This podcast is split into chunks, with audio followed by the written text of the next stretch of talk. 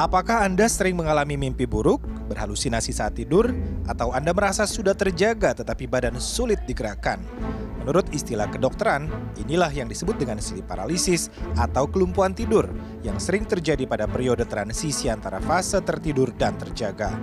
Menurut dokter spesialis gangguan tidur dari Rumah Sakit Umum Mitra Kemayoran, Andreas Prasaja, sleep paralysis sering disertai dengan gejala hypnagogic hallucination. Dimaksudkan adalah orang yang mengalami kelumpuhan tidur akan berhalusinasi.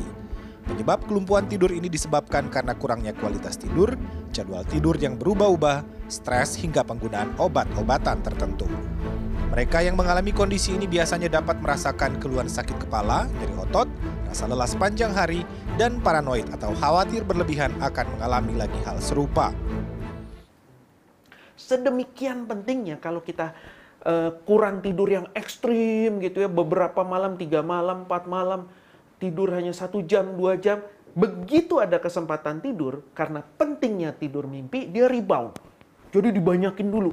Nah, makanya bisa terjadi setengah sadar, setengah mimpi ini.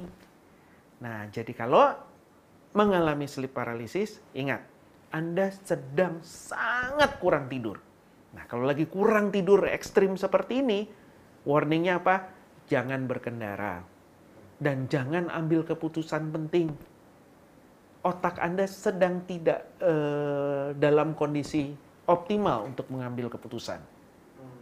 Dokter Andreas menambahkan kita harus waspada jika sleep paralisis sering terjadi dan disertai gejala halusinasi, hipersomnia atau kantuk berlebihan yang tidak tertahankan dan dapat terjadi sewaktu-waktu, serta katapleksi atau kelumpuhan otot yang dipicu oleh emosi yang kuat seperti sedih dan gembira berlebihan karena hal ini dapat menyebabkan narkolepsi atau kantuk berlebihan hingga tak sadarkan diri saat sedang beraktivitas. Nah, narkolepsi ini memang e, penyakit bisa dibilang genetik ya, pemicunya bisa banyak ya. Salah satunya yang pernah kami temui juga e, heat stroke, jadi karena tentara panas, jemur, area sini kena, dia pingsan. Nah, selanjutnya narkolepsi.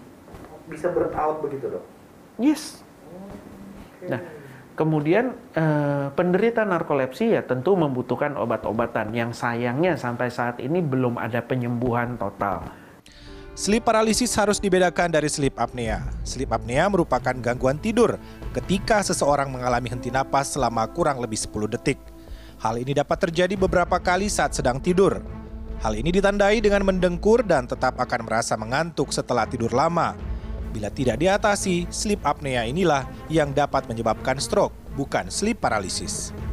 Tidak ada penanganan spesifik terkait dengan sleep paralysis yang jarang terjadi. Yang terpenting, cukupi kebutuhan tidur sesuai dengan jumlah jam biologis dan perbaiki pola tidur yang sebelumnya sering berubah-ubah. Bila sudah terjadi sleep paralysis disertai dengan narkolepsi, maka segeralah menghubungi tenaga medis untuk mendapatkan penanganan lebih lanjut. Arman Helmi Galuh Prestisa, Jakarta.